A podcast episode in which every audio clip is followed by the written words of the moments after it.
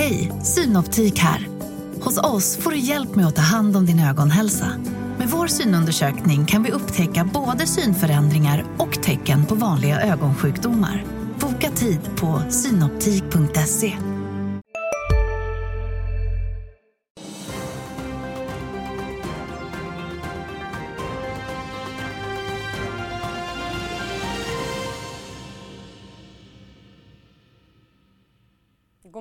välkomna till Börsmorgon. Det har hunnit bli onsdag 29 mars. Och det var småsurt i USA igår när de amerikanska räntorna tickade på uppåt. Nasdaq backade mest med en halv procent. Desto muntrare i Asien under morgonen. Hongkong steg omkring 2% Här hemma väntas börsen också öppna med stigande kurser på omkring en halv procent för storbolagsindex. I dagens program ska vi bland annat prata om och med Dustin eftersom att bolaget har släppt rapport för sitt andra kvartal. Och den var sämre än väntat. VD Thomas Ekman är med oss strax. Lena Aplers skapelse Collector byter namn, åtminstone föreslår styrelsen det. Och senare i programmet ska vi få flera investeringskandidater med det rådande marknadsklimatet som spelplan. Med för att göra här Robert Ollstrand, aktiestrateg på Swedbank, Fredrik Skoglund från FE Fonder. Välkomna hit. Tackar. Tackar. Ska vi fortsätta på det här lite namnspåret att alltså Erik Selins nya favoritaktie Collector Bank byter namn till Norion Bank. Syftet enligt VD är att förstärka både vår position och förtydliga vårt kunderbjudande, så står det i pressmeddelandet. Kan något så enkelt som ett namnbyte åstadkomma det? Hade inte fler gjort det då? Ja, kanske, men det kanske symboliserar någon nystart eller någonting. Jag vet inte. Mm. Det, men det framgår ju inte som sagt. Nej, man kan alltid pröva. Fler namn att notera. Schweiziska storbanken UBS byter tillbaka till en gammal VD, Sergio Motti. Han var VD åren 2011 till 2020, ska alltså ta över i nästa vecka. UBS har ju annars varit på tapeten på sistone eftersom att de köper krisande Credit Suisse. Men det är inte heller en bank som undgått kritik sedan finanskrisen. Då ska man ta in gammal ledning. Ja, nej, men de kanske behöver extra ledningskapacitet nu när de ska slå samman eh, med Credit Suisse. Så att, eh, det är säkerligen det. Mm, och han har ju senioritet om inte annat. Men apropå att kastas mellan hopp och förtvivlan. Det har varit rätt hög volatilitet senaste veckorna även om just gårdagen var väl ganska lugn i alla fall. Robert, du har något så roligt som ett svenskt Fear and Greed-index. Ja, men precis. Det bygger lite grann på några underliggande delkomponenter, då, sju stycken som vi har på, på svenska börsen. Det handlar om lite prisstyrka, lite eh, volatilitetsaspekter, hur många aktier stiger och hur många backar eh, med mera. Då. Så att vi har satt samman till ett kompositaindex då för att samla in då, eh, samla upp hur sentimentet i marknaden är just nu. Och sentiment tenderar ju jämviktspendlar mellan, vi brukar kalla det extrem girighet eller extrem rädsla. Man ska ju tänka lite tvärtom då, när det är extrem rädsla ja då kanske det är lite översålt på börsen, kan vara läge att gå mot stämningskänslan då och så tvärtom då helt enkelt. Då. Men nu ser vi att det har ju varit här en period då vi har haft försvagat sentiment, eller indexet då har ju eh, backat och befinner sig nog i extrem rädsla eller väldigt nedpressade nivåer då. Och så ju lägre siffra desto mer rädsla? Ja precis och eh, tanken är då att ja, när det är de här nivåerna, ja då, då kan det vara läge att gå emot strömmen då men det brukar vara kanske då gäller mer och kanske det var en stark trend. Nu har vi haft lite svaghet också då i index, i pris så att säga. Eh, och därmed då så kan vi kanske ha en utdragen period av lite svagare sentiment och vi behöver då se lite mer konstruktivt kanske då börsrörelse då för att sentimentet ska kickas igång igen och börja på drivas då i sin jämviktspendling då mot lite mer eh, girighet så att säga. Så att det är rädsla nu på börsen. Vi ser i andra indikatorer också men även på den svenska börsen kan vi konstatera att, att det är väldigt eh, nedpressat sentiment. Helt mm. Jag tycker det passar lite in i nämnda UBS uppdaterade strategi som vi också fick här på morgonen där de rekommenderar utdelningsaktier för att en recession är allt mer sannolik. Man pekar på att utdelningsaktier i snitt har slagit börsen med sådär 5% genom tidigare recessioner typ 2001, 2008 och 2020. Fredrik, var är du på skalan? Extremt rädd eller extremt girig? Ja, men jag tycker det var ganska intressant att se att den var så långt ner eh, och nu är det ju drivet av att vi har bankoro. Ska det bli finanskris igen? Och det har ju tatt, klo, satt klorna i marknaden i USA framförallt men även i Europa och Sverige. Eh, om det lättar lite grann, vi får hoppas det, eh, så tror jag att eh, ja, men då kan det ju vara ett ganska spännande läge. Men det är väl det nya nu att vi oroar oss för bankkris nygamla, skulle jag vilja säga. jo, nej, men fast alltså, om man tittar på eh, 2008, när man pratar med eh, företagsledare som var med då, framförallt inom eh, industrin, det var väldigt enkelt för dem då, för då blev det tvärnit. Om du ville skicka en båt från Brasilien till Europa, du fick ingen bankgaranti, så därför skickades inte den. Så allting stannade direkt. Vi har ju inte haft den eh, liksom bankkrisen den här gången. Nu är vi med, vi sitter och väntar på den här konjunkturnedgången som ska komma. Eh, och marknaden hatar osäkerhet, ja, så man kanske hellre tar de här tvära ja, och, för, och företagsledarna, ser, det är fortfarande fullt i fabrikerna egentligen så att, eh, och jobbar med eh, sina orderböcker. Då. Så att, ja, det är en väldigt stor skillnad om det blir en recession kopplat med bankkris kontra en, en recession. Vi ska återkomma till marknadsspaningarna och marknadsklimatet efter börsöppning. Men vi ska ju också bita tag i morgonens rapport. Då. Dustins andra kvartal visar en omsättning på 6,3 miljarder, en organisk försäljningstillväxt som krympte minus drygt 2% väntat var plus 2% Det justerade ebitda-resultatet blev 212 miljoner med justerat ebitda-marginal på 3,4% i marginellt över förväntan och föregående kvartal. Och så är avgående VD Thomas Ekman med oss via telefon. God morgon Thomas, hur sammanfattar du ert utgångna kvartal? Alltså jag tycker att det är, ett, eh, det är ett positivt kvartal på många sätt. Även om det, som du säger så har vi eh, negativ svag tillväxt. Men vi ser ju underliggande att det går åt rätt håll. Vi ser framförallt en, en stabilisering under kvartalet, eh, under kvartalets gång, alltså senare del av kvartalet inom SMB, framförallt i Norden. Alltså små och mellanstora bolag. även om det är lägre nivåer än förra året. Men, men fortfarande så är det en stabilisering, vilket är positivt. Och sen inom vårt segment som kallas LCP, alltså storföretag och publikförsäljning och offentlig försäljning, så har det varit har varit oerhört stabilt och, och framförallt så tycker jag att det är bra att vi ser att vi nu lyckas växla ut stora lågmarginalkontrakt mot bättre kontrakt så att vi ser att vi får också en förbättrad bruttomarginal. Vilket naturligtvis är jättebra. Det i sin tur hänger också ihop med att faktiskt leveranskedjorna i världen, jag hörde att ni pratade lite om det innan här, de börjar stabilisera sig vilket gör att vi också får in en bättre mix av produkter i vår, vår försäljning vilket också förbättrar bruttomarginalen. Så att de här obalanserna som har varit i leveranskedjorna börjar nu liksom sortera ut sig, vilket är, är såklart positivt. Och det har också gjort att vi kan jobba ner vårt lager. Så vi förbättrar liksom rörelsekapitalet eh, stort. Det, det, är skönt att höra att saker förbättras. Men om jag tittar på den organiska tillväxten som i föregående kvartal, vilket jag förstår också domineras mycket av julhandeln, då var den ändå på 8,5 procent. Det var inte jättestor skillnad jämfört med året innan. Nu istället har ni minus istället för plus. Vad är det som driver det? Alltså det, det är framförallt så var december, vårt, vårt kvartal, vårt, det här Q2 går från december till, till eh, februari. Så att i, framförallt var december en svag månad i Sverige framförallt. Eh, den var, den var svag på småföretagssidan och det är där vi ser att liksom, den, den var, och det förbättrades under kvartalet. Så att, även om vi har den här negativa tillväxten så kan man säga att vi har också en, en vi ser att trenderna som har varit i tidigare ekonomiska kriser också fortsätter. Där de här håller på ungefär i två, fyra kvartal och nu vi i, har vi passerat det andra kvartalet av det här. Um, och där kan vi faktiskt börja se en stabilisering även på, på lägre nivåer. Så man kan, även om man har den här så kan man vara försiktigt, eh, kan vara försiktigt optimistisk mot att, att vi ser en stabilisering framförallt på SMB i, i Norden.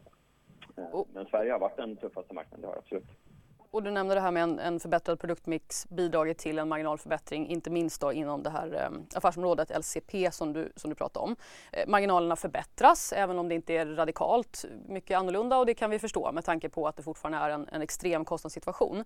Och jag undrar lite om det går att göra mer på marginalsidan för er del, alltså dra ner på kostnader till exempel. Det är väldigt svårt att svälta sig ur en kris. Ja, det är svårt att svälta sig ur det. Man måste också gasa i även uppförsbackar. Och, och det, det, är ju så att det är klart att man kan, vi kan, vi gör mycket, för oss är det mycket också att vi är samtidigt mitt i en ganska stor integration av våra verksamheter i, i eh, Benelux och i Norden. Och där har vi naturligtvis möjligheter att få, som jag kommenterade tidigare också, där finns ju synergieffekter som vi kommer få ut och, och eh, som vi räknar både få ut det här under det här året, alltså slutet av augusti, men också under nästa år. Eh, så att det ser vi att det kommer vi kunna få. Därmed så får vi en, en, en, effektivisering snarare än kanske en kostnadsneddragning. Men det blir en, effekten blir en kostnadsneddragning. Så att det finns mer att göra på marginalen. Eh, och den spelar, för oss spelar det roll lite grann vilka typer av, av kontrakt vi tar och vilka vi väljer att ta och vilka vi vinner. Och sen såklart också vår, eh, det som du var inne på, vår produktmix. Så att den produktmixen också balanseras ut med både det som kallas för standardråvara, alltså enklare mobiler eller PCs och lite mer avancerad nätverksutrustning som driver upp marginalen, eh, bruttomarginalen. Så att det finns mer att hämta. Skönt att höra. Vid förra rapportsäsongen när vi pratades vid, tror jag, eh, Thomas, så förutspådde du att just ert första kvartal som det var lär vara botten, att det borde bli bättre därifrån. Tror du fortfarande det eller märker du till och med det? Nej, men jag tror att det, som jag sa där inledningsvis så ser vi en stabilisering och det är den precis som vi inte, den såg vi liksom inte riktigt tydligt i, i det förra kvartalet när vi pratade. Men den kan vi börja se nu på SMB, att den framförallt är stabiliserad, att det är stabilt. Det är liksom, det är en, företagen börjar komma tillbaka, även om det har varit en, en extremt jobbig period för småföretag i Norden. Eh, med inflation och allt vad det är, så, har, så ser ändå företaget okej, okay, jag vill fortsätta göra mina affärer, jag vill fortsätta dra in mina kunder och då behöver jag också IT, jag behöver utrustning, jag behöver en dator eller vad det är jag behöver. Och det ser vi kommer, det, det börjar liksom komma åt, åt rätt håll. Så att den här, de här förflyttningarna i konjunkturläget brukar vara så att, eh, och för oss är det en ganska tydlig konjunkturmätare, att vi ser att okej, okay, första kvartalet är när det börjar krisa för folk, då, då bromsar alla. Andra kvartalet i det här så är det lite mer stabilisering framförallt i slutet på andra, kvartal, andra kvartalet och sen har vi får hur det går framåt Men, men som det ser ut nu så fortsätter trenderna som har tyckt historiskt också. Ja, det skulle vara tacksamt med lite lugnare vatten. Jag vill säga tack så mycket Thomas Ekman för att du var med i Börsmorgon. Ja, så säger avgående VD, alltså nyhetssedda Johan Karlsson. Han ska ju tillträda 3 april, så det är väl i nästa vecka. Vad säger ni, Fredrik? Nej, men som vi, de har ju haft en väldigt boost under pandemin och nu är det lite baksmälla eh, där många köpte väldigt mycket eh, utrustning under pandemin. Så det är väl ganska naturligt att det är den här fasen nu. Att, eh, och de ska försöka jobba ner lager etc. Så att, eh... Det ska sägas att det vi ser i bild är alltså en, en kursgraf över de senaste fem åren. Det har ju, och det där är pandemibubblan också. Som ja, och, och, många gjorde ju väldigt mycket investeringar för man var tvungen att jobba hemma. Och vi hade ju diskuterade ju, ska vi inte komma tillbaka till kontoren? Vi i Sverige är ju tillbaka på kontoren medan i många andra länder så är man inte riktigt där än. Så att, eh, men eh, det låter väl ändå positivt att det börjar synas en stabilisering. Robert?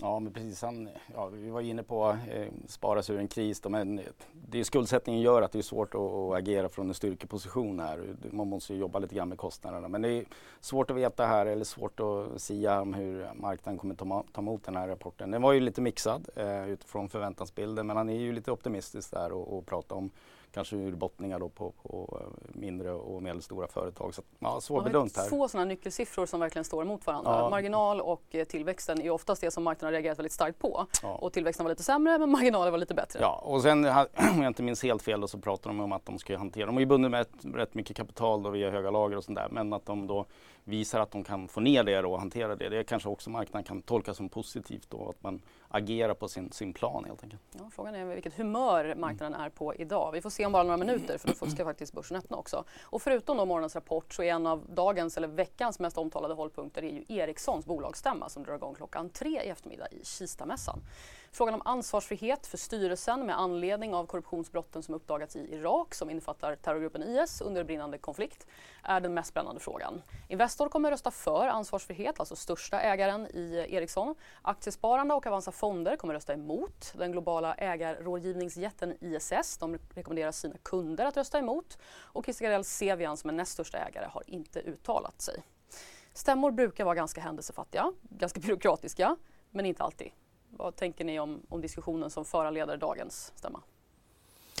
Nej, men det är väl inte konstigt att det finns olika åsikter kring det här med ansvarsfriheten och de här eh, liksom, mutbrott och, och terrororganisationer och sådär. Så att eh, det är väl tydligt så att det, det är inget bra. Robert, inte, du kan inte heller det här är bra? Nej, men det är väl, det är väl transparensen man, man tycker är lite under kritik då, då från Ericssons håll. Då, där lite frågetecken då kanske när man fick, och, eh, fick de här uppgifterna och eh, om man skulle varit mer transparent kring det då. Det, jag förstår det som att det är det som är den tryckande punkten här för de som inte vill då rösta för ansvarsfrihet. Då. Men ja, det, var, det var inte så här förra året också? Jo. Jo. Förra året så röstade alltså över 10% för ansvarsfrihet så man öppnar upp för en stämning.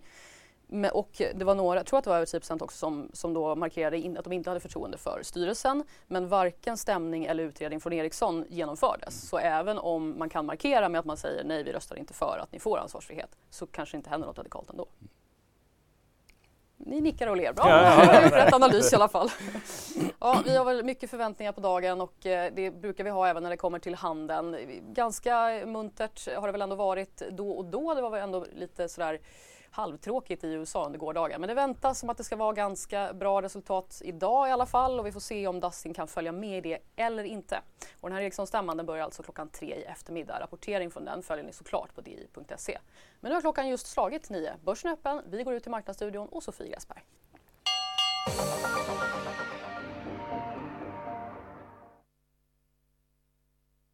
Ja, Stockholmsbörsen öppnar idag svagt neråt. Bättre ser det ut på storbolagsindex som är upp en halv procent. Om vi tittar där på storbolagen så ser vi SBB i toppen tillsammans med Sinch.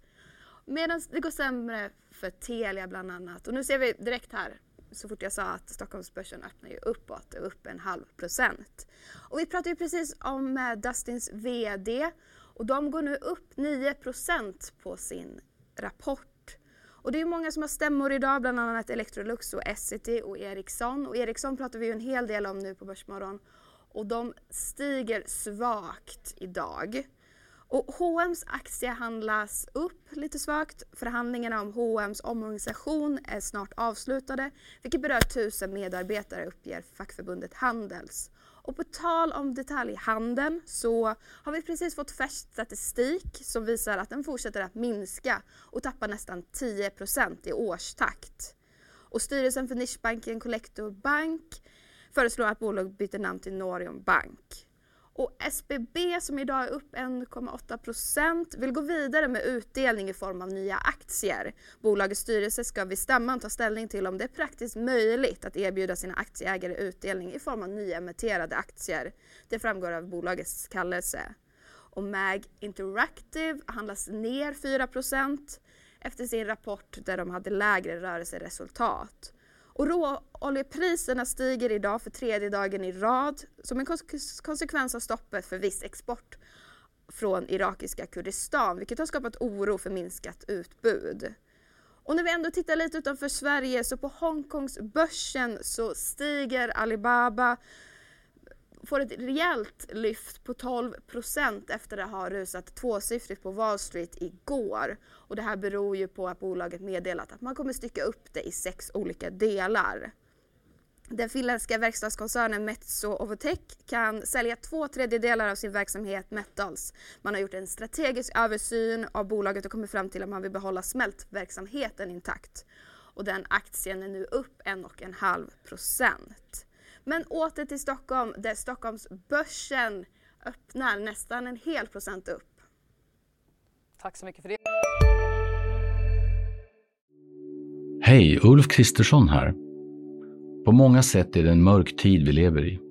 Men nu tar vi ett stort steg för att göra Sverige till en tryggare och säkrare plats. Sverige är nu medlem i Nato. En för alla, alla för en. Har du också valt att bli egen? Då är det viktigt att skaffa en bra företagsförsäkring. Hos oss är alla småföretag stora och inga frågor för små. Swedeas företagsförsäkring är anpassad för mindre företag och täcker även sånt som din hemförsäkring inte täcker. Gå in på swedea.se företag och jämför själv. är så fin, nästan en hel procent är vi väldigt glada för så här i, i de här dagarna. Dustin också, upp 6 procent. Så man tog fasta på marginalen då kanske? Ja, någonting. ja men den har ju varit nedpressad så att det, det, det var ju ändå optimistiska uttalanden och några grejer att hänga upp sig på i alla fall, mm. åt det positiva hållet. Ja, vi ska återkomma till börsen innan vi avrundar såklart, men vi har väldigt mycket kvar att täcka innan vi når det. Vi kan väl också ta och titta på, om jag nu har den i min lista, hur det går för Trelleborg idag med tanke på att det har hänt lite i veckan. Den är uppe ungefär som börsen. Och Fredrik, du som har en, kanske en viss förkärlek till Trelleborg men åtminstone har pratat om den ganska mycket. Försäljningen av Wheels till Yokohama får mer och mer godkännanden av olika globala konkurrensmyndigheter. Ja, nu är den ju klar. Nu har ju både EU och Storbritannien godkänt det och eh, så nu kommer ju Trelleborg vara skuldfritt i princip. 70 eh, av verksamheten är Sealing Solutions som har marginaler mellan 20 och 23 eh, Industrial Solutions är den andra delen.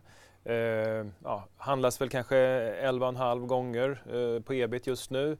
Eh, liksom betydligt lägre än Assa och ännu mycket liksom, lägre än, än finverkstad, de andra. Så att, tittar man framåt så finns det ju ja, dels möjligheter att göra förvärv Eh, men sen så finns det nog möjlighet att eh, liksom, Trelleborg får en annan ja, värdering helt enkelt, att det blir lite mer finverkstad. Eh, det är väl egentligen caset tillsammans med att de har ju ja, Vissa analytiker tror att de kommer dela ut och återköpa för en 7,5 procent per år just nu. Då. Alltså, de har så mycket kassa att de kan både göra det och göra förvärv. Mm. Så att eh, nu, det har uppenbarligen eftersom aktien har gått upp en del här på slutet funnits en oro att den här Wheels-försäljningen inte skulle gå igenom då. Eller för den har ju tagit Ja, det har tagit jättelångt. Det är Yokohama som, som eh, var tvungna att få igenom sin... Eh, och då hade, de hade ju tvingats att göra åtgärder för att eh, om det hade varit konkurrens eh, liksom, motstånd på någon marknad. Men nu är det ju klart och, och så nu, nu är Trelle ett annat bolag eh, än det har varit historiskt. Då. Och fortfarande ett av dina portföljbolag? Absolut, det är, det är nog vårt största innehav faktiskt. Mm. Och, och, den här affären som du sa, eh, den annonserades för länge sedan. Är det någonting som har skruvats till det sämre för Trelleborgs del eller är det bara på Yokohama-sidan som det har liksom knölat? Eh, nej, det är, på, det är alltså konkurrensmyndigheterna som har knölat eh, och det tar så lång tid att göra det här. Eh, så nu är det klart och många har ju då kritiserat, lite så här, de köpte ju Minnesota i, i, USA ganska dyrt men man ska också komma ihåg att de sålde Wheels då på ett väldigt högt pris. Så att det tycker jag väger upp varandra och nu tittar man framåt så har de det här en, en eh, skuldfri balansräkning, väldiga möjligheter att göra eh, bolt-on-förvärv och eh, samtidigt eh, ge aktieägarna utdelning genom återköp och utdelning. Men det kan väl aldrig vara så enkelt att alla problem löses för att man säljer, även om man har liksom ett sorgebarn med sig. Mm. Det måste väl ändå finnas lite kvar grus i Ja, nej men så här, de har ju kritiserat historiskt då att de har gjort felaktiga förvärv. Och det är ju Sealing Solutions som är den fina liksom, juvelen och nu är det 70 procent. Och visst, de kommer säkert göra några förvärv inom Industrial Solutions också och försöka jobba och lyfta marginalerna där med. Men marknaden vill ju gärna att de fortsätter investera pengarna i ytterligare Sealing Solutions exponering då. Det är ju nischade små liksom, eh, eh gummigrejer som går in i alla produkter överallt. Höga marginaler? Eh, höga marginaler, 20-23 procent. Så det är ju liksom något som eh, har liksom en fin nischexponering framåt. Robert, vad säger du om affären? Ja, med tanken med det här också att, att eh, ska vi minska volatiliteten då också i, i, den finansiella biten också och på så sätt få, få en högre eh, kvalitetsstämpel då. Och, eh, men det är som du säger, jag, jag tror väl också att det kommer vara en aktie främjande åtgärder. Sen förvärv kommer ju definitivt ligga där i, i, i pipen. Sen vad de gör, jag vet inte, Asien kanske inte är största regionen. Man kanske tittar på förvärv där då för att växa det. Man är väl rätt stor i Europa om jag inte minns, minns minner. Och så att, eh, ja, balansera upp då kanske regionexponeringen då. Så att, ja, men de, de handlar ju verkligen i en styrkeposition då om man får sammanfatta det så. Mm. Wheels köps alltså av Yokohama för 22 miljarder kronor att jämföra med Trelleborgs börsvärde på drygt 74. Vi ska fortsätta prata bolag lite senare som är lite mer av vår hemmaarena men vi har också lite sådär tankar på att försöka förstå vad det är som händer på marknaden och vi har ett med ett gäng grafer från dig Robert för att illustrera kanske lite vad det är som händer och jag tänker att vi börjar med volatilitet och inte minst då den här lite röriga grafen, du får gärna förklara vad det är ja, vi ser. Ja, men det, är, det är mycket kring USA men det är ju världens viktigaste aktiemarknad. Det som händer där tenderar att då spela över på, på andra regioner men det här är ju då egentligen eh, förväntad volatilitet över de eh, större tillgångslagen då vi har för räntor, eh, valuta, aktier och, och råvaror här före presenteras här av olja då. Och räntan är den vita linjen Precis, som sticker och det är, vi har ju pratat om det här att, att eh, vi tycker att det är volatilt aktiemarknaden mm. men utifrån förväntad volatilitet så är det inte det då. VIX-index då är ju på fortfarande ganska låga nivåer rent historiskt men dramatiken då är ju räntemarknaden. Så här har ju räntemarknaden problem då att kalibrera var är inflationen på väg, vad kommer centralbankerna göra och det här slår ju väldigt mycket då i räntemarknaden och inte minst då i de korta löptiderna då, som speglar centralbankerna mer. Och eh, eh volatiliteten då, om man tittar i USA och svängningarna där, det, vi får gå tillbaka till 80-talet då för att hitta liknande eh, svängningar och det här får ju i sin tur då konsekvenser eller eh, få aktiemarknaden. Och, eh, vi ser att en period då av, av, hög volatilitet i räntemarknaden historiskt där de senaste tiden då så, så tenderar det ju inte vara bra för aktiemarknaden då. Det kan ju också göra att vi får lite omallokeringar inom aktiemarknaden om man tittar då på, på eh, durationsspelet med mera mellan value och tillväxt och så vidare. Men den senaste tiden faktiskt så, så har ju faktiskt inte aktiemarknaden oroat sig allt för mycket.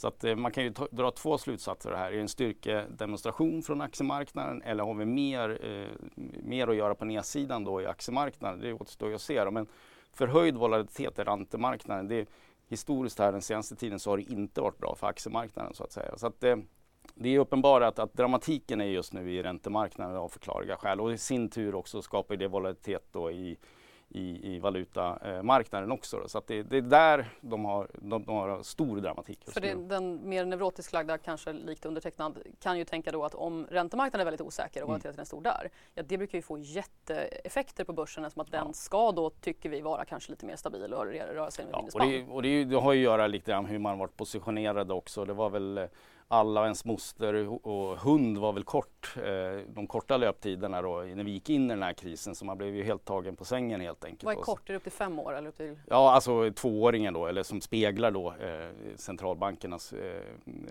ja, utsikter då eller besked då, kring vad de ska göra med styrräntan. Då. Så att där, ju, där hamnar ju förmodligen väldigt många investerare snett i sina positioner då när bankkrisen startar och det är det som har skapat lite dramatik här. Och då har vi eh, den tredje grafen som just, eh, jag måste säga, jag vet inte vad ett inverterat PE är så ja, det får du gärna förklara. För det ja, men det är om, om man skulle helt enkelt, om S&P 500-bolagen skulle dela ut hela sin vinst, eh, kan man väl säga då. Så att, och här är ju det här kanske en del av problematiken då som har startat lite grann i USA. Jag menar räntemarknaden erbjuder här faktiskt ett intressant alternativ då om du skulle köpa ett sex månaders eh, T-bill eller penningmarknadspapper då eh, så har du ju nästan samma avkastning som i bergsäker helt enkelt. Då, jag ska som, säga då bara för tydlighetens skull att den eh, undre kurvan, eller den orangea, det är alltså den amerikanska sex månaders räntan ja. och sen så har du S&P då ja. inverterat P i den gula ja. över. Och där att, är gapet nästan noll. Ja, så det, det, här har ju faktiskt ett väldigt intressant alternativ då i räntemarknaden i USA. Då. Så att, eh, det, det, är också ett, ett argument då för, eller, som talar emot aktier då i det här fallet då, givet den osäkerhetsbild då vi, vi ser helt enkelt. Och har det gett också någon rörelse, alltså drivit på till mer då penningmarknaden till räntemarknaden? Ja, vi har en graf också här med på, om vi kan få upp den. Du ser att flödet in då i penningmarknaden är ju på, har ju tilltagit den senaste tiden här och är ju på rekordnivåer då. Så att det är tydligt att eh, allokeringen då, eller flöden in i penningmarknadspapper då, eh, har ju tilltagit den senaste tiden. Mm. Och det, är ändå, det är en väldigt lång eh, tidsintervall ska sägas. Mm. Det sträcker sig alltså från 1990 eh, och framåt. Så när ska man säga att det här började? Slutet 20 redan eller snarare 2022? Ja, det är fram till jag tror eh, förra veckan, då, slut på förra veckan. Mm. Fredrik, vad tänker du om Roberts spaningar? Mm. Ja, men, jättespännande. Och den här sista bilden dock, eh, kanske man, man ser ju att när pandemin började, när Fed började stimulera med mycket kapital in i marknaden, ja, men då gick det ju rakt upp i, i inflöden till den här typen av eh, fonder också. Då. Och nu har den stuckit upp igen då. Eh, och där skulle man kunna spekulera i i alla fall att det har ju varit oro kring att många tar ut pengar från amerikanska banker, de här regionala bankerna. Och då sätter man ju det i den här typen av produkter istället. Då. Så att här ser vi ju den här bankflykten då, eh, mer i... Så, så, det behöver ju inte vara att man säljer aktier och, och köper det här utan det kan ju vara att... Eh, det ja, kanske inte kapital an, som försvinner från nej, börsen? Nej, och, och sen, nu jag, sen, mycket av de här nya faciliteterna som Fed har satt på plats då är väl delvis eh, liksom likviditetsstödjande. Så det kan ju också vara ett av skälen. Då. Så, det, det, det är mycket kopplat till den här nya bankoron då, tror jag. Har du ja, några sådana detaljer Robert? Ja, nej, men jag vet att en av eh, problematiken i Silicon Valley Bank när kunderna inte kunde ta ut sina pengar men då har de vad de kallar så här sweep accounts där man kan då erbjudas att eh, sätta in pengarna i penningmarknadsfonder. Så många kunder försökte ju då istället för att få ut pengarna så satte man in dem i penningmarknadsfonderna. Då. Och nu har det hamnat i lite limbo om jag har förstått det rätt att de har, har inte riktigt fått tillbaka pengarna därifrån. Så att, eh, men det är, väl, det är väl också en av förklaringarna då. Men, men det skapade ju he, vatt, eller, ringar på vattnet helt enkelt då. Eh, man tappade deposits då på grund av det. Så fortfarande en del eh, frågetecken om det är räntemarknaden som, som kanske har tagit ut någonting i förskott eller om man inte har bestämt sig mm. ännu, vilket i sin tur kan påverka börsen. Mycket också mer säkrare avkastning att hämta då på liksom räntemarknaden. Mm. Men vi tycker ju om börs. Så vad håller du i handen i sådana här tider? Ja, nej, men det, jag brukar ju i de här perioderna med, med um, osäkra uh, tider då, då är kvalitet aldrig fel. Uh, och jag menar, vi har ju några av de bolagen på, på uh, Stockholmsbörsen. Ett sådant bolag tycker jag ändå Investor, lång historik av att överkasta börsen. Det är väl 12 år på raken eller liknande sånt där. Och det får ju då många kvalitetsbolag till rabatt. Och där kan vi också säga att de, eh, de eh, är ju en styrkeposition, väldigt stark balansräkning. Här kommer vi förmodligen då få se eh, fortsätta då investeringar då i den onoterade portföljen och eh, eh, på så sätt kunna växa då substansvärdet vilket man tidigare gjort väldigt framgångsrikt. Då. Och, eh, på så sätt så tycker jag det är liksom att den här är en aktie alla kan ha i portföljen och ha det som ett ankare. Man behöver liksom över tid då inte vara rädd. Man kan månadsspara aktien vad som helst. Jag, ty jag tycker det är en, en bra aktie att, att, ha i den här typen av miljön om man även då blickar framåt helt enkelt. Du behöver inte vara rädd att saker och ting kommer gå upp i rök. Och är det också för att, eller liksom någon form av huvudanledning för att du litar så pass mycket på Investor som investerare och förvaltare och storägare eller på grund av att du vill framförallt ha den här portföljbolagsexponeringen? Ja, men det är en kombination, det, det, får man väl lov att säga. Plus att du får en, en, rabatt på de här kvalitetsbolagen de har. Jag menar, de har ju Astra, de har ABB, Atlas, det är ju fina bolag, Epiroc, fina bolag alla, alla de här. Men de har också Ericsson, Electrolux, Husqvarna. om, vi ska, om vi ska vara sådana, ja. men de kanske inte väger lika mycket. För Fredrik, det här är inte din kategori som att du vanligtvis håller lite till de mindre bolagen. Men om du hade fritt storleks, storleksmandat, hade du också hakat på Investor? Ja men det är bara att deras track record är ju fantastiskt. Så att det, det går inte att säga någonting annat faktiskt. Nej, det är svårt att, ja. argumentera ja. med statistik. Vi ska strax höra mer också om Fredriks typer av bolag, alltså då mer storleksmässigt. Fler case-pitchar på ingång. Först ska vi ut till börsskärmen igen och till Sofie. Ja, Stockholmsbörsen fortsätter uppåt men ligger nu kring en halv procent uppåt. Och snäppet bättre går det för storbolagsindex som ligger på 0,7 och om vi tittar där så ser vi att Atko och Getinge är bland dagens vinnare. Och på tal om vinnare så Dustin rusar på sin rapport och upp 9 Sämre går det för MAG Interactive som tappar på sin rapport men de har återhämtat sig lite nu den senaste kvarten och tappar bara 2,5 procent. Och om vi tittar lite på dagens rekar så Kambi faller 4% efter att ha fått sänkt riktkurs. Även Volvo Car och Lyko har fått sänkt riktkurs och tappar något. Men Sandvik och Munters har fått höjd riktkurs och båda stiger idag. Och om vi tittar lite utanför Sverige så på Hongkongsbörsen så står Alibaba för ett ordentligt lyft och de är upp nu, vad blir det, 13% på Hongkongsbörsen efter att de på gjorde samma utveckling på Wall Street igår där de steg 14 procent. Och det här beror ju på att bolaget har kommit med nyheten att de ska dela upp det i sex olika delar. Och den finländska verkstadskoncernen Metso Ovotech kan sälja två tredjedelar av sin verksamhet Metals. Man har gjort strategisk översyn av bolaget och kommit fram till att man vill behålla smältverksamheten intakt. Och de stiger nu dryga 1 procent. Men åter till Stockholm så kan vi konstatera att Stockholmsbörsen fortsätter att ligga på plussidan men upp en halv procent. Mm, tack så mycket för det Sofie. Under tiden så har ju också Konjunkturinstitutets prognos trillat in. Den kan vi väl notera när vi ändå håller på. Den förutspår BNP då för 2023 för Sverige på minus 0,6% Nästa år istället plus 1,3 Och det här minus 0,6 det är en upprevidering av prognosen för i år eftersom den tidigare var minus 1,1. Är det något att hålla i handen?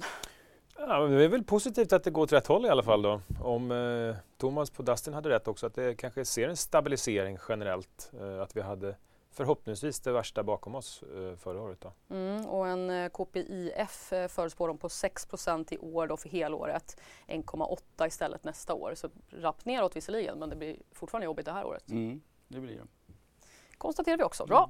Mm. Mer ekonomisk statistik från morgonen kan vi också säga. Försäljning i Svensk Detaljhandel sjönk 1,2% i februari jämfört med januari. Dagligvaruhandeln sjönk knappt 2 sällanköpsvaruhandeln minus 1,2. Jämfört med februari i fjol minskade detaljhandelns försäljning drygt 9% Dagligvaruhandeln sjönk 8% i årstakt. Sällanköpsvaruhandeln sjönk nästan 11% Fredrik, om dagligvaruhandeln sjunker 8 i årstakt, är vi i en recession nu? Ja, det, det kanske vi är. Eh, alltså när man pratar med kompisar och, och sådär så känns det som att alla sparar. Och alla, man köper inga produkter, eh, för det gjorde man under pandemin. Nu kanske man unnar sig en resa eller går på restaurang men det är ju, vi ska säga en, en varurecession kanske vi ändå är i just nu. Mm. Men vi är inte riktigt där tjänstemässigt. Robert, vad tänker du? Ja, vad sa du? Eh, dagligvaruhandeln var mm. ner 11 procent. Ja, jag tänker också att, att eh, det är ju jämförelsetal. Alltså det var ju extremt upp, upptrissat då under pandemin då man kanske inte gick ut och åt helt enkelt. Man lagade mat hemma eller gjorde sina matlådor, jobbade hemifrån. Så det kan ju vara tuffa jämförelsetal också. Mm. Vi har eh, ytterligare lite eh, kanske orosmoln att ta fasta på. En marknadsöversikt från Business Sweden som eh, varnar för att den svenska exporten kommer tyngas av en svag global efterfrågan under året. Särskilt från viktiga exportmarknader som Europa och USA. Varuexporten väntas öka med svaga en halv procent i år. Det känns lite mer så här samhällsoroväckande kanske. Ja, och alltså, vi hoppas ju att 2024 ska bli ett bättre år. Men man skulle ju kunna vara ganska orolig för 2024 också egentligen. Eh, med tanke på att just nu är det många som betar av stora orderböcker. Hoppas vi att de fylls på under året eh, men det vet vi inte riktigt än. Mm. Robert, inför rapportsäsongen som stundar snart, ska mm. vi vara lite oroliga för industribolagen eller är det fortfarande som Fredrik säger, det finns fortfarande mycket att jobba med? Ja, men det tror jag också. Utan det, det, det, det kommer ju vara framåtblickande kommentarer återigen då som är intressant här och nu så tror jag inte att det är liksom svaghet i korten. Då, så att, eh, det kommer ju vara så. Men sen jag får lite en känsla av också att eh, eh, vissa bolag kanske inte har öppnat orderböckerna riktigt heller för längre bort. Man vill, man vill garantera leverans. Jag vet inte, Volvo är kanske ett sådant exempel. Då. Så att det är svårt att veta vad som är vad i de här siffrorna också. Mm. Ja, Rapportsången är faktiskt bara runt hörnet. Det är väl så efter påsk någonting som vi drar igång igen. Men vi håller oss kvar till nutid och till vår hemmaplan. Det där med lockande investeringskandidater. Ditt gebit Fredrik, alltså några av de mindre i börstermer, även om det kan innebära börsvärden på hisnande summor. Igår så har Embracer blivit väldigt aktuella när de just meddelade att förväntade avtal, alltså intäkter, inte kommer genomföras som planeras i det innevarande kvartalet, vilket då inte händer inom hela räkenskapsåret eftersom att de snart avslutar sitt fjärde kvartal. Och aktien föll handlöst till en början, sen återhämtade sig lite. Hade den så stort chockvärde, den nyheten? Tydligen var det ju så, eh, men det är lite svårt att förstå med tanke på att eh, det här, de säger ju inte att det inte ska ske. Men det, marknaden har ju definitivt tagit ytterligare ett risk av beteende till Embracer för att man, det kanske inte händer. Men eh, vi, jag tror väl ändå att eh, de här strategiska partnerskapen, eh, det kan vara med Microsoft eller det kan vara med någon annan, jag tror att de kommer ske. Och de indikerar väl att det, det kommer komma besked innan deras rapport som kommer i slutet av maj tror jag. Så nu är det ett par månader då till. Och det var väl onödigt att sätta en, en, en Eh, att det skulle komma in då det här året. Eh, man kunde bara sagt någon gång under 23 så ska vi göra de här avtalen. och jag tror att det kommer vara ganska positiva grejer ändå. Eh, där de säkrar upp ganska mycket kassaflöde för ett gäng spel. Då. Det, det, är väl det som marknaden tror kommer ske i de här strategiska avtalen. Och kommer kanske bli en kvalitetsstämpel då om det är Microsoft eller någon annan som, som väljer att inleda ett väldigt nära samarbete med Embracer under många år så då, då borde kursen, eller då borde kanske aktien reagera positivt då. Men just nu, beskedet igår, eller marknadens besked igår var ju tydligt att man litar inte på det här längre. Och Embracer också ett portföljbolag? Varför? Ja, ja, skull. ja, det är det. Eh. Kepler sa att man såg det som en förtäckt vinstvarning. Ja, men det var det indirekt då. För att när de gör den här, alltså det här, analytikerna tänker ju då när de här strategiska partnerskapet ska, eh, och det har ju bolaget varit tydliga med också, då kommer det innebära en vinstframtagning. Eh, nästan som man kan, det är som att sälja fastigheter kan man säga. Men de har investerat väldigt länge i de här spelen. Så kommer de kanske sälja eh, liksom kanske 50% av förläggarrättigheterna eller vad man nu gör. Det vet vi inte än. Men det blir en, en, ganska stor tror jag, engångseffekt kassaflödesmässigt men även resultatmässigt. Då. Så att efter det här så borde ju balansräkningen eh, vara ett, liksom, alltså oro kring det borde vara lite mindre orolig från marknaden. Så att det borde bli en positiv effekt eh, kan jag tycka. Och igen då ett kvalitetstecken om de har någon stor aktör som väljer att inleda ett långsiktigt samarbete med Embracer. Jag antar också att kanske ett marknadsperspektiv ser det här lite som att det börjar, inte börjar bli, men att det kanske är en början på någon form av följetong med liksom lite negativa nyheter eller inte lika bra. Med tanke på att Embracer var jättehyllad, Lars Wingefors var jättehyllad, ja, ja. folk tycker fortfarande att han är en jättebra entreprenör och att bolaget är jättefint. Men ja. det börjar komma upp en del frågetecken. Diskussionen kring den här strategin, ska man knoppa av grejer helt plötsligt som jag inte riktigt vet om det blev klart, om det skulle vara så eller inte. Och så nu det här. Liksom. Så det känns som att det finns en skepsism just nu. Absolut, så är det ju. Eh, och det har ju varit en följetong ganska länge nu. Eh, men liksom, vi tror väl att den här, det här om, om de här avtalen kommer på plats då, och det får man ju säga, eh, att det kan bli liksom en liten vändning då. Dels att balansräkningen kanske inte blir lika ifrågasatt. Man får en kvalitetsstämpel om man har ett samarbete med någon annan. Eh, och att man väljer då att öka fokus på kassaflöde framåt. In, innan har det varit väldigt mycket fokus på tillväxt.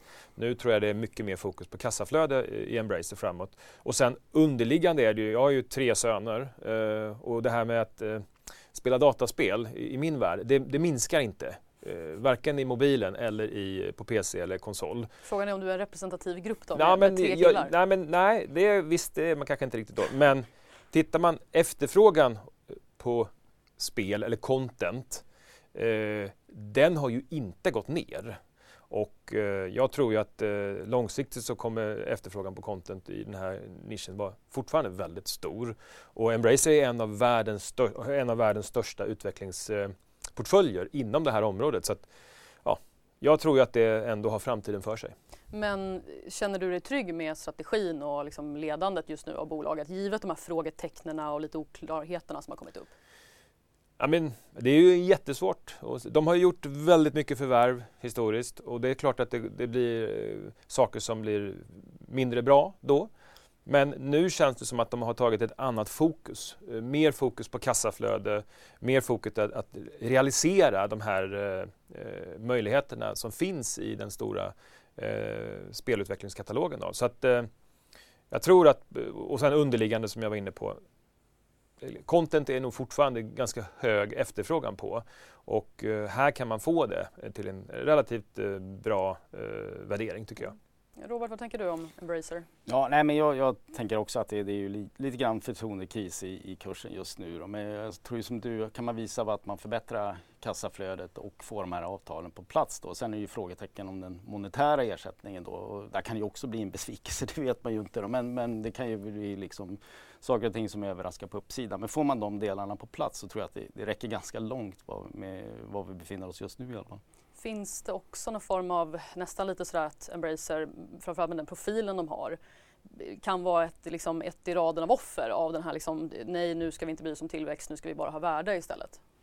Ja, nej men någonstans, eh, man kan ju inte växa i all oändlighet och bara eh, gasa på. Någonstans måste man ju realisera och visa att okej, okay, adderar vi värde via de här förvärven och får vi ut mer? Det är någonstans där de kanske bör, måste börja på visa nu då. Mm.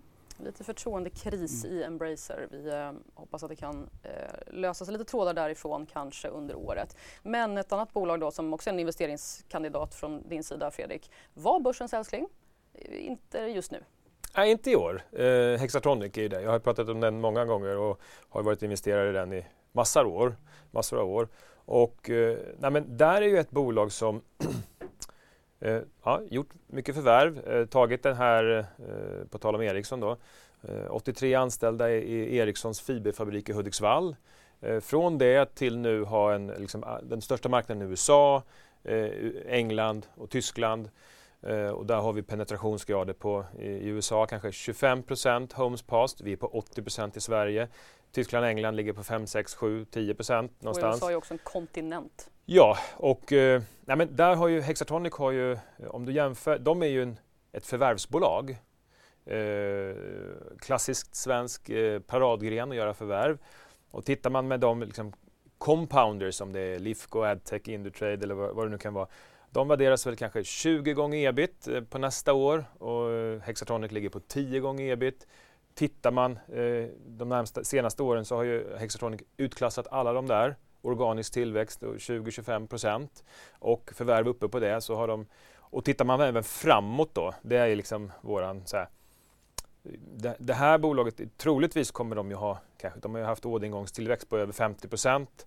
Så att, att, organiska tillväxten kanske kommer fortsätta vara 20 procent, 25 eller något sånt och sen förvärv uppe. Det kommer vara helt andra tillväxttal än de andra förvärvsbolagen. Då.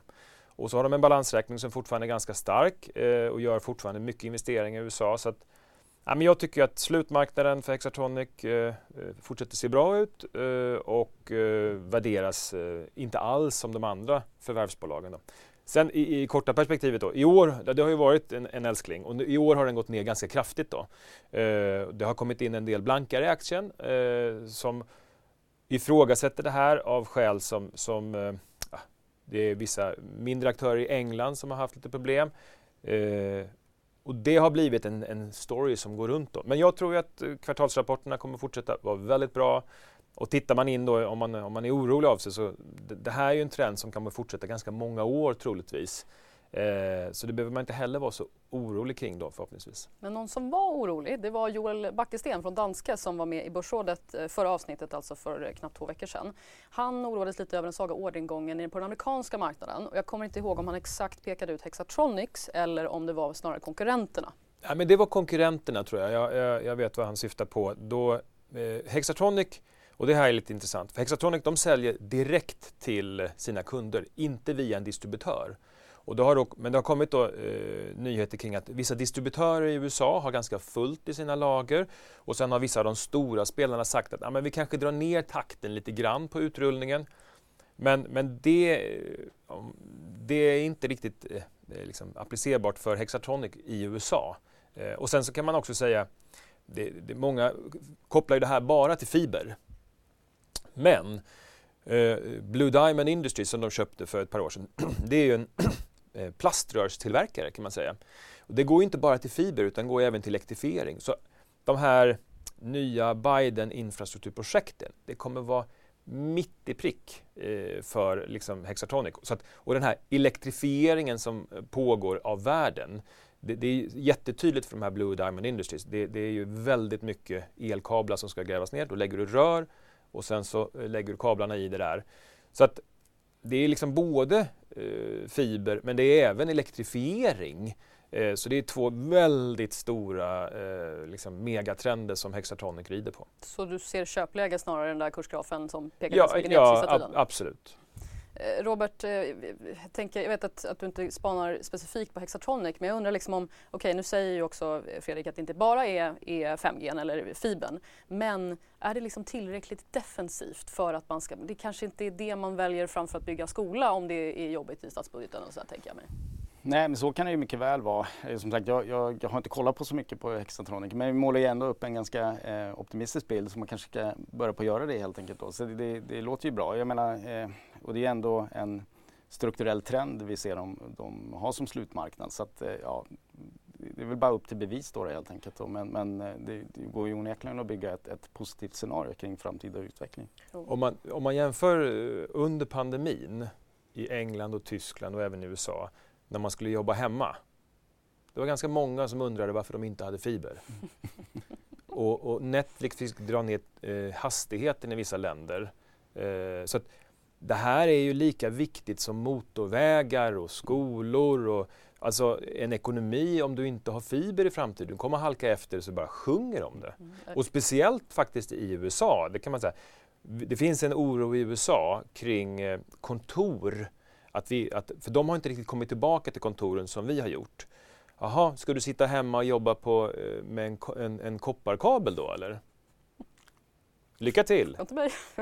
och har man dataspelande ungdomar så måste man nog ha fiber hemma också. Ja, då kommer det bli gnälligt annars. Men hörni, tiden springer iväg. Eh, jag tror att flera än Robert kanske är såld på Hexatronic nu så nu stannar vi där. Men jag måste fråga dig också när du är här Fredrik för du har varit en ganska varm anhängare av några av de här konsumentorienterade bolagen de senaste åren som vi har pratat åtminstone. Vilket kanske är börsens mest hatade nu eller mest ifrågasatta om man ska vara diplomatisk. Electrolux, ett av dem. Husqvarna, ett annat av dem. Båda är frekvent börsens mest blankade senaste året, alltså på topp 15-listan. Electrolux är nu på fjärde plats, 11% av kapitalet. Husqvarna har minskat, så nu är man bara på 14 plats. Det är drygt 7% av kapitalet. Electrolux ledning har fått stark kritik och aktien har haft det tufft sett till senaste 12 månaderna i alla fall. Var står du nu i de här? Nej, men, eh, jag gillar fortfarande Husqvarna. Eh, Electrolux är väl lite mer sådär. Men eh, Eh, tittar man det som hände under pandemin, just framförallt för Husqvarna då, de var ju väldigt tidiga in i den här komponentbristen på sina robotar. Eh, så att under hela liksom, Q, alltså från 2022 så var det svårt att leverera ut robotarna, eh, lite bättre på slutet. Där tror jag att vi kommer få en sving tillbaka. Eh, alltså för tittar du på lagren hos de som säljer robotar, det, det finns inga. Så det, och, och det är ganska många kunder som står och väntar på sina robotar. Eh, så jag, och, och på lång sikt eh, så tror jag ju att eh, Husqvarna, det är ju ett robotcase och ett elektrifieringscase. Nu håller, nu, de är ju framförallt på den konsumentmarknaden, men nu håller de på att lansera för kommersiella, tänk eh, golfbanor och eh, fotbollsplaner och sådär. Det finns inga elektri alltså, e-, elektriska robotar där idag. Och då sparar du, om du är en golfbana eller så här, alltså det, det är väldigt mycket pengar du sparar. Så där tror jag det kommer bli en väldigt bra fart. Och att de då diversifierar sig från det här liksom väldigt konsumentnära till ja, mer företag. Ja, ja, så det blir mer och mer uh, business to business. Då. Att, och sen är det ju liksom en, en, en hållbarhetsresa för Husqvarna där om du tar bort uh, bensindrivna, dieseldrivna robot, gräsklippare till eldrivna då. Så det, det är ju lite ett Tesla-case eh, om, man, om man tror på det. Då. Eh, du, fortfarande förtroende för Husqvarna har ja, jag. Electrolux ja, och, och Electrolux, ja men där är ju förtroendet extremt lågt just nu då. Så att, har du fortfarande kvar eh, Electrolux? vi har lite Electrolux och ska man titta på den liksom framåt, de har ju haft extrema problem i USA. Komponentbrister har gjort att det har blivit väldigt tufft. Eh, om de lyckas leverera på sina planer, då är det nog en intressant aktie.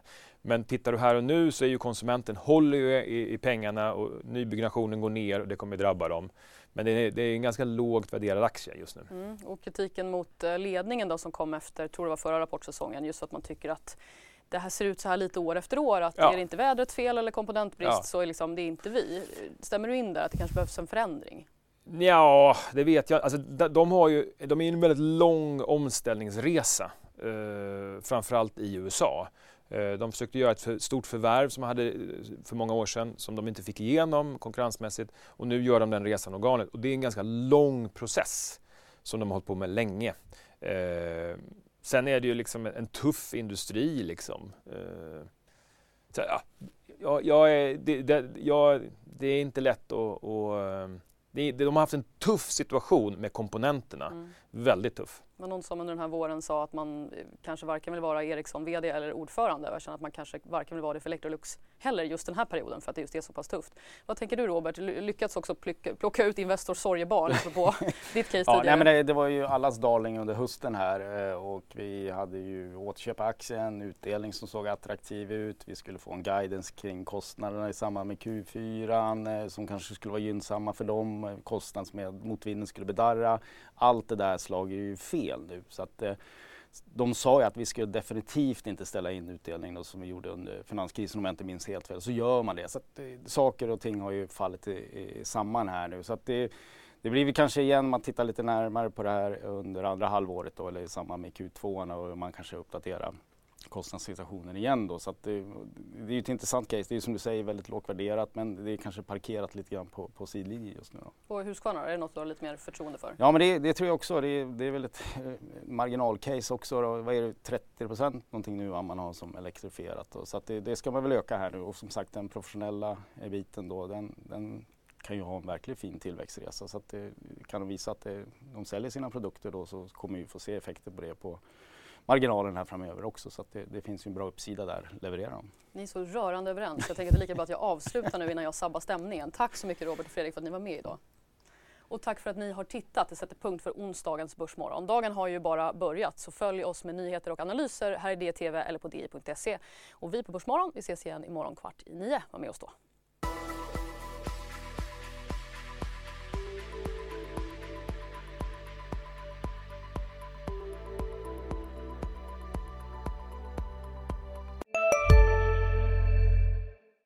Hej, Susanne Axel här. När du gör som jag och listar dig på en av Krys vårdcentraler får du en fast läkarkontakt som kan din sjukdomshistoria. Du får träffa erfarna specialister, tillgång till lättakuten och så kan du chatta med vårdpersonalen. Så gör ditt viktigaste val idag, lista dig hos Kry. Hej Sverige! Apoteket finns här för dig och alla du tycker om. Nu hittar du extra bra pris på massor av produkter hos oss. Allt för att du ska må bra. Välkommen till oss på Apoteket.